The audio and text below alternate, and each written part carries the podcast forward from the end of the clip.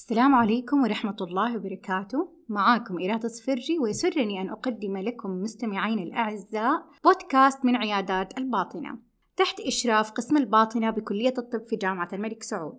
نستضيف في هذا البودكاست نخبة أطباء القسم للحديث عن أبرز الأمراض الشائعة أسبابها وكيفية علاجها والوقاية منها. ضيفة حلقتنا الأولى الدكتورة فاطمة الشهراني أستاذ مساعد بقسم الباطنة بكلية الطب جامعة الملك سعود واستشارية في الأمراض المعدية وراح تكلمنا اليوم عن مرض كورونا.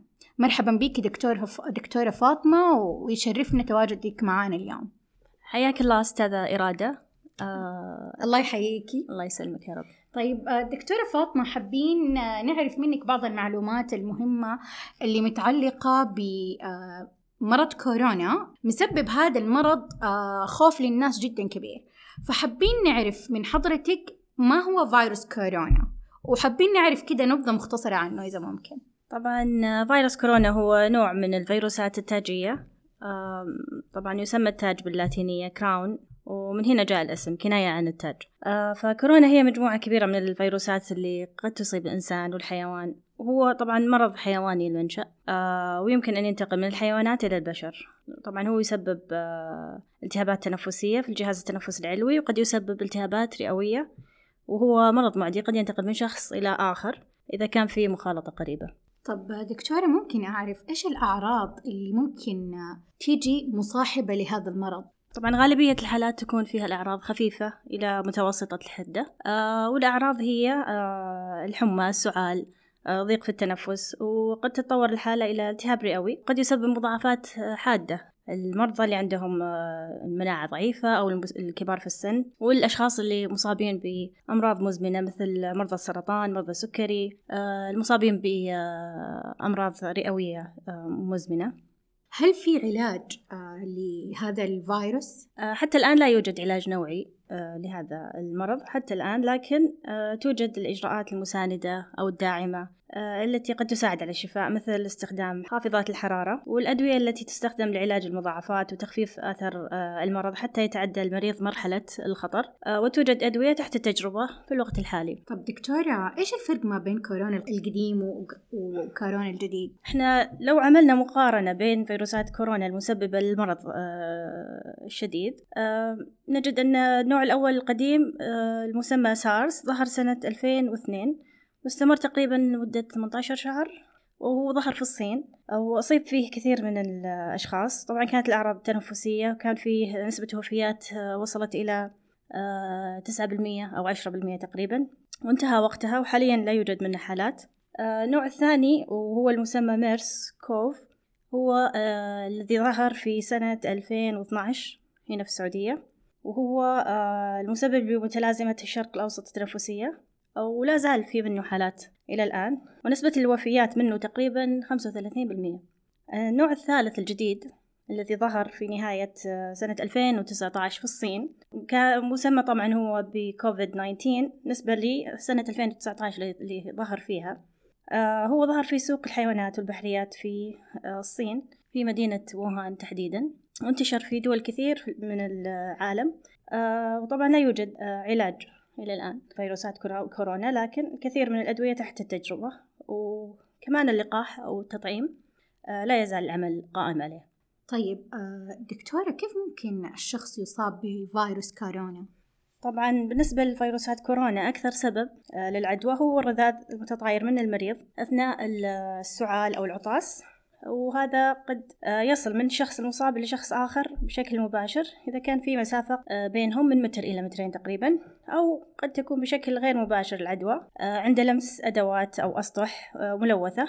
وبعدها يتم لمس الوجه عن طريق الأغشية المخاطية في الفم الأنف والعينين. ممكن أنه ينتشر لشخص آخر. هذا بالنسبة لكل الفيروسات. لكن لو بنتكلم عن فيروس ميرس المسبب لمتلازمة الشرق الأوسط التنفسية آه، اللي هو موجود من 2012 هذا له علاقة مباشرة بالإبل آه، والاحتكاك بالإبل حسب ما أثبتت الدراسات. قد ينتشر عن طريق آه، شرب حليب الإبل غير المغلي. عند تناول لحم الإبل غير مطهو جيدا طبعا.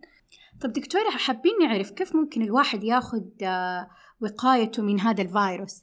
طبعا المحافظة بشكل عام على ممارسة العادات الصحية لتعزيز المناعة في الجسم الحفاظ على النظافة العامة آداب العطاس والكحة طبعا تقلل العدوى تغطية الفم والأنف عند العطاس والسعال طبعا تجنب الاتصال المباشر مع شخص عليه أعراض تنفسية مثل السعال والعطاس والحمى. وطبعا إذا ظهر على الشخص أي أعراض إصابة بأي مرض تنفسي يفضل أنه يبقى في المنزل ويتجنب مخالطة الآخرين. آه، يفضل عدم السفر لما يكون آه، الشخص عنده أي آه، أعراض التهاب تنفسي. وطبعا غسل اليدين بالماء والصابون بانتظام أو استخدام الكحول الجل المطهر. طب ممكن دكتورة أكيد كثير من المستمعين حابين يعرفوا إيش هي آداب العطاس والكحة؟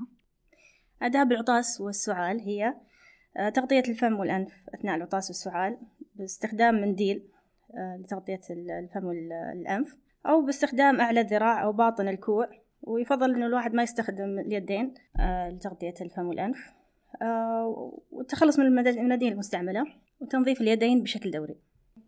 طب دكتورة في بعض الناس آه لما يكون عندهم خوف من هذا الفيروس يقوموا يتناولوا مضادات حيوية بشكل مستمر عشان يعني يتفادوا الإصابة بهذا الفيروس.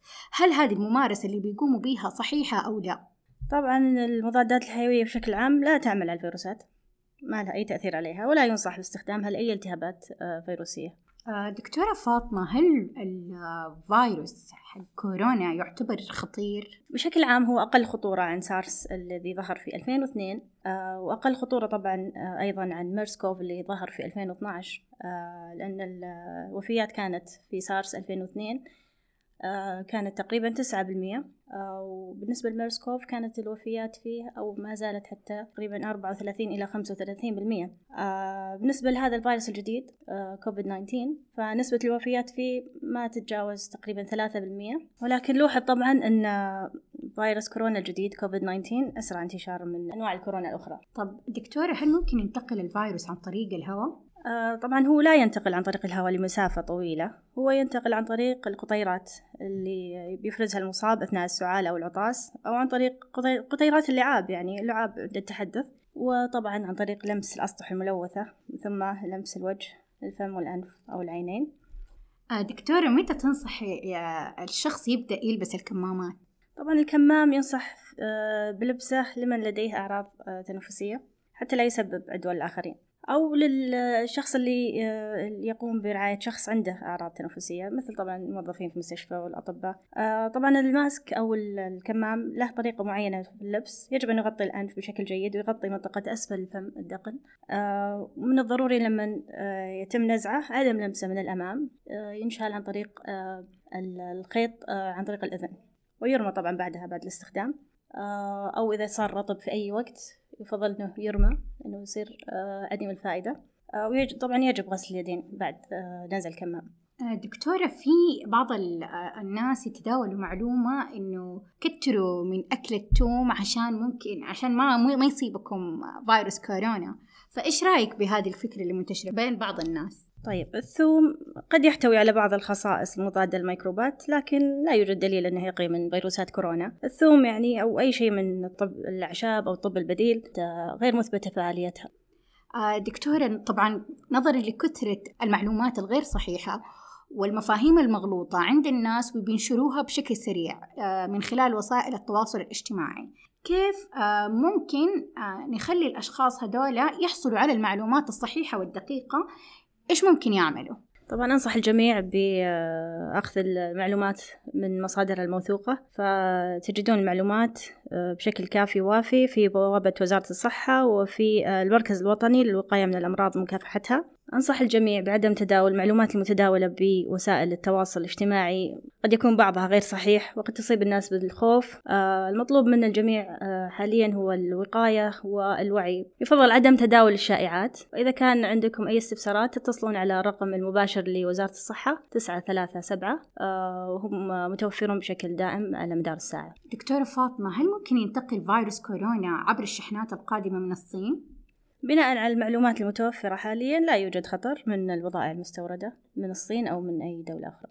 دكتورة فاطمة حابين من حضرتك تعطي كلمة أخيرة للمستمعين؟